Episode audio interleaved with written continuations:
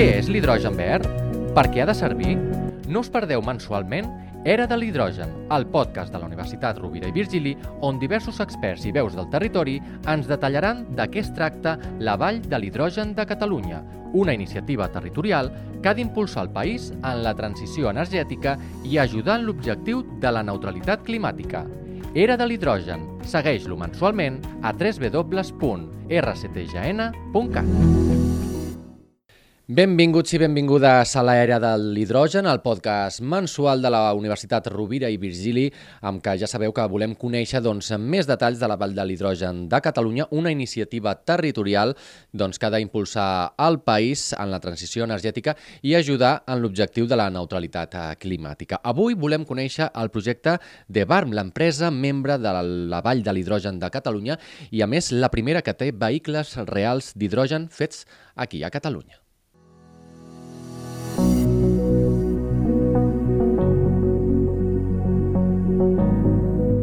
I per això en volem parlar amb Xavier Ribas, responsable de l'empresa Evarm. Benvingut. Hola, bon dia, moltes gràcies. Si li sembla, abans que tot, per contextualitzar, eh, com ens presentaria la seva empresa Evarm i la seva activitat?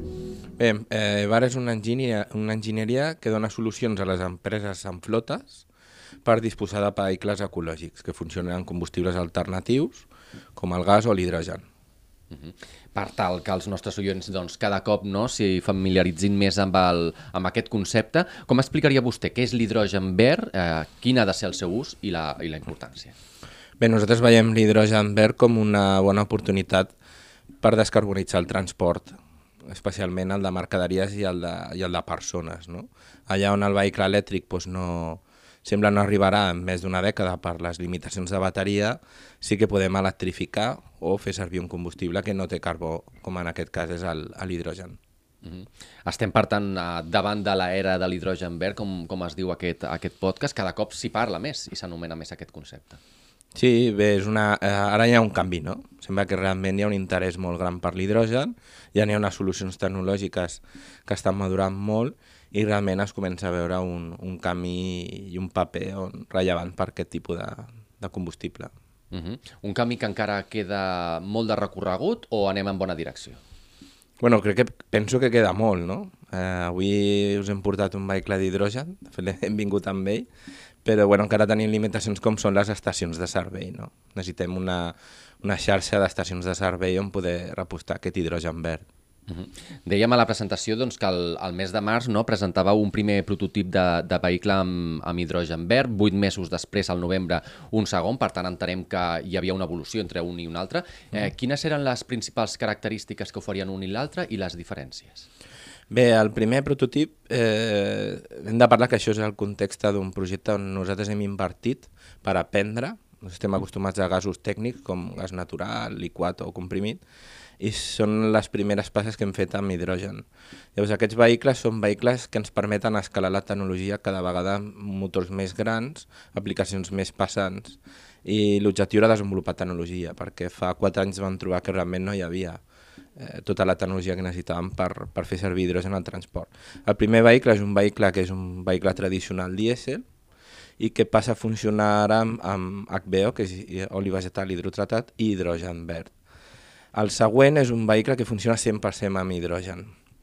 I la gran diferència és pues, que avui, per exemple, el primer, si ens quedem sense hidrogen, podem tenir un backup, podem fer servir aquest hidrogen, aquest oli vegetal per tornar, com és el cas, i amb l'altre necessitem estar repostant molt més sovint i per tant necessitem una xarxa eh, més madura, no? amb, amb molta més disponibilitat. Però la gran diferència és que un funciona parcialment amb hidrogen i l'altre funciona 100% amb hidrogen.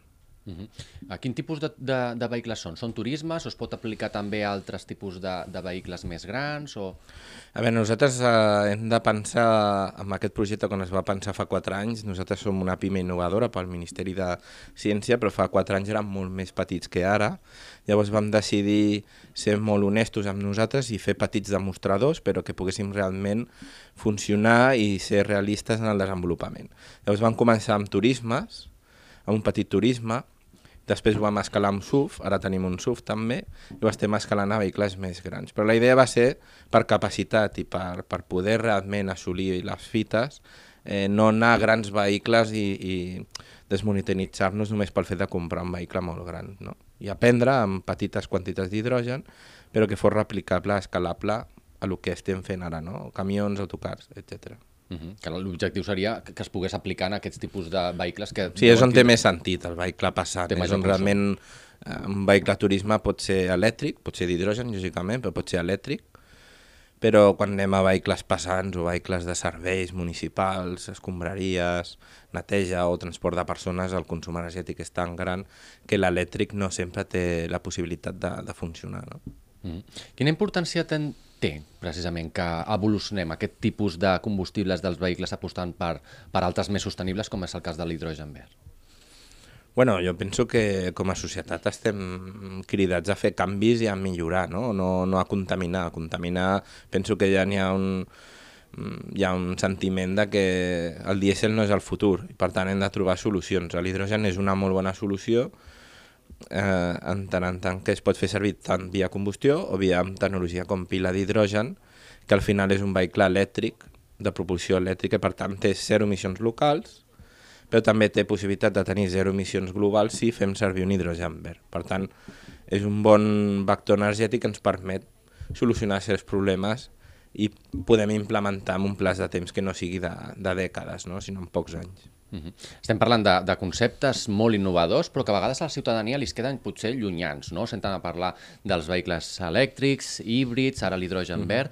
Com podríem una mica, per posar-los més aclaridor tot plegat, uh, diferenciar uns uns altres, quins són més beneficiosos, més sostenibles, menys contaminants?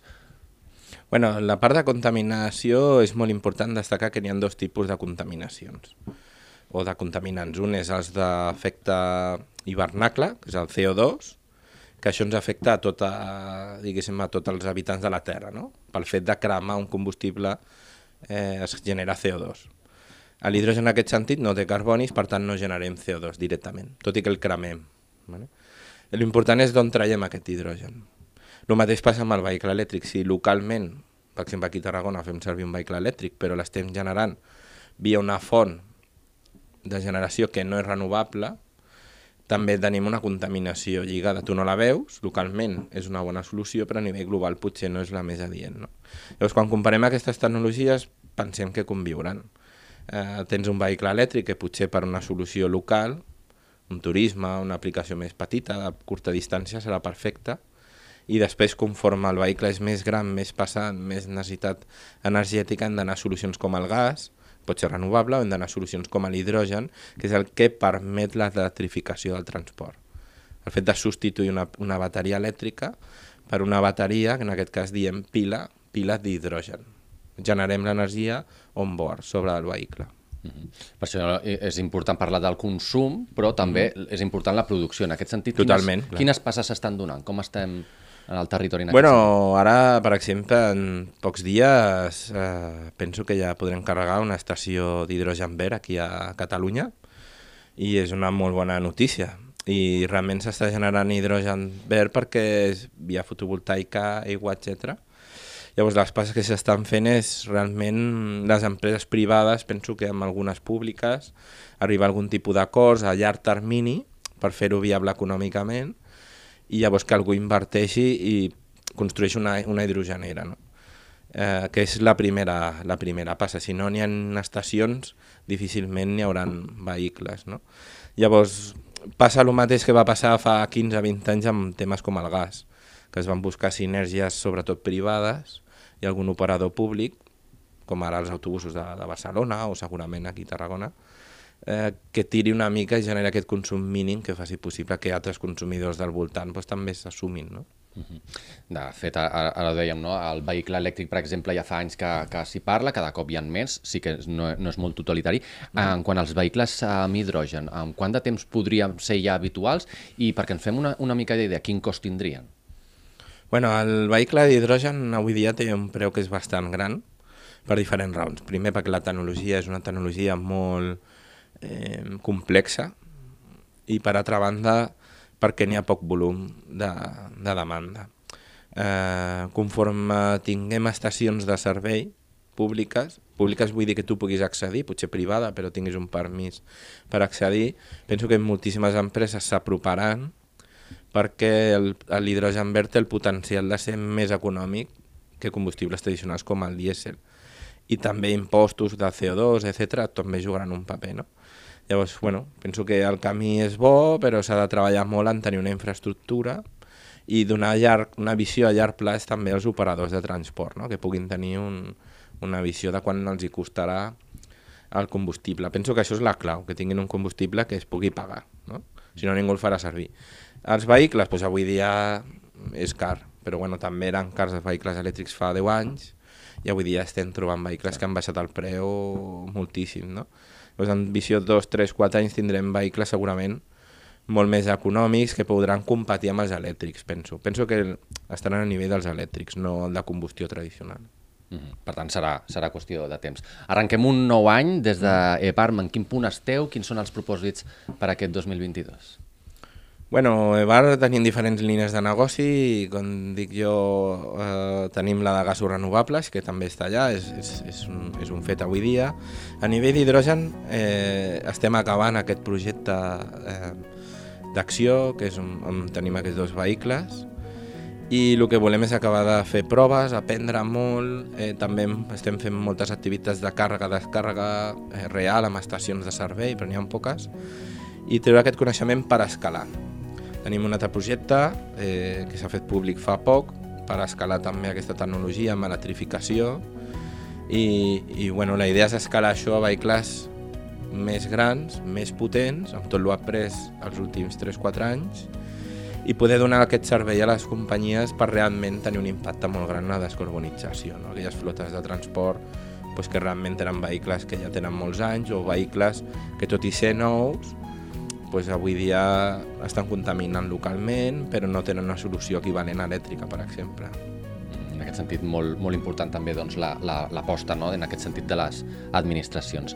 Doncs eh, Xavi Ribas, responsable de l'empresa Airbarm, una de les empreses doncs, eh, membre de la Vall de l'Hidrogen de Catalunya, gràcies per haver-nos acompanyat i donat mostra i exemple, en aquest cas, no de casos concrets, on s'implanta i s'aposta per l'hidrogen verd com una aposta de present i de futur sostenible. Moltes gràcies. Moltes gràcies a vosaltres. I a vosaltres, gràcies un cop més per la vostra atenció en un capítol més de l'Era de l'Hidrogen. Ja sabeu, el capítol mensual de la Universitat Rovira Vigília aquí a Ràdio Ciutat de Tarragona. Ja sabeu que trobareu la resta d'episodis a www.rctgen.cat. Moltes gràcies i fins la propera.